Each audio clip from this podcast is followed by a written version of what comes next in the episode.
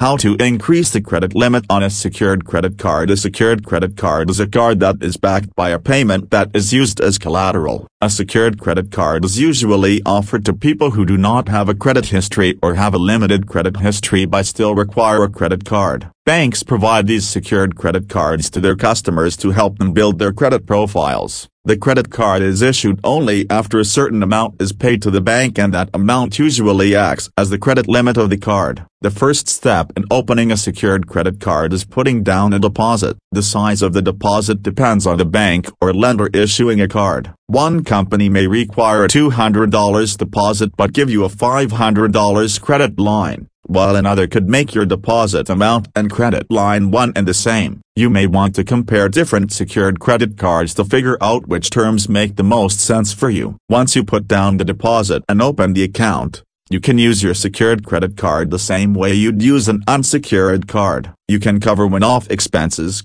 buy groceries, pay recurring bills or use it for essentially anything you'd put on a standard card. Just remember that the deposit you put down to get the card doesn't serve as a form of payment. You still make payments on your card every month. The deposit is just there as insurance for the issuer in case you stop making payments. As soon as you start making purchases and payments on your secured card, your lender will likely report the activity to one or more of the three national credit bureaus. That's a good thing as long as you use your card responsibly uh, because all of that activity will help you develop a history of on-time payments and responsible credit use, helping you build a strong credit score. If your secured card has a low credit limit, you'll need to be careful about how you use it. In addition to paying your bills on time, it's important to keep your credit utilization ratio low. Credit utilization refers to how much of your credit line you're using. A good rule of thumb is to aim for 30% or less credit line usage at all times. Not only does this help your credit score,